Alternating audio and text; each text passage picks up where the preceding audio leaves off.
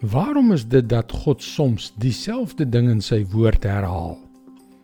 Voel jy ook partykeer lus om daardie herhalings oor te slaan en vir jouself te sê, "Ag ek ken dit. Ek het dit al voorheen gelees."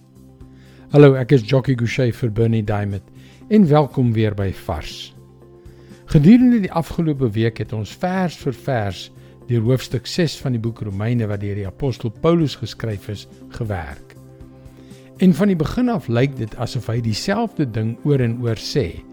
As jy in Jesus glo, is jy dood vir die sonde en lewend vir God.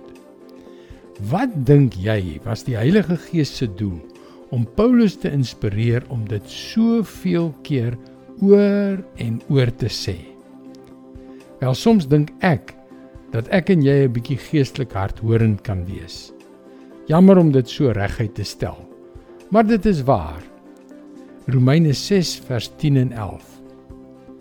Hy het gesterwe en is eens en vir altyd vir die sonde dood. Nou lewe hy en hy lewe vir God. Julle moet dus altyd onthou dat ook julle vir die sonde dood is, maar vir God lewe, omdat julle een is met Christus Jesus. Ek weet ons voel lus om hierdie gedeelte oor te slaan, maar dink mooi. Is jy werklik dood vir die sonde? Leef jy werklik vir God? sien jy, sonde bly lewendig.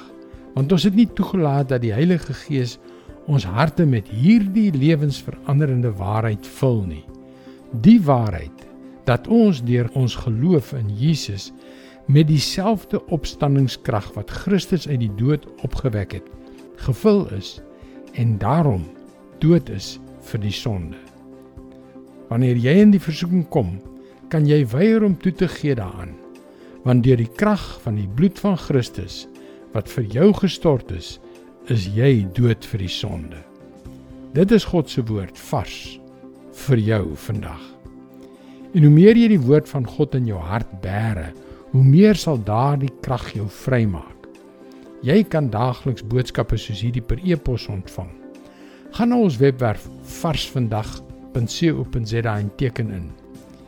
Hier by Vars, die Afrikaanse deel van Christianity Works, is ons passie om ontelbare lewens een vir een te sien verander terwyl ons die goeie nuus van Jesus deur middel van die media oor die hele wêreld versprei.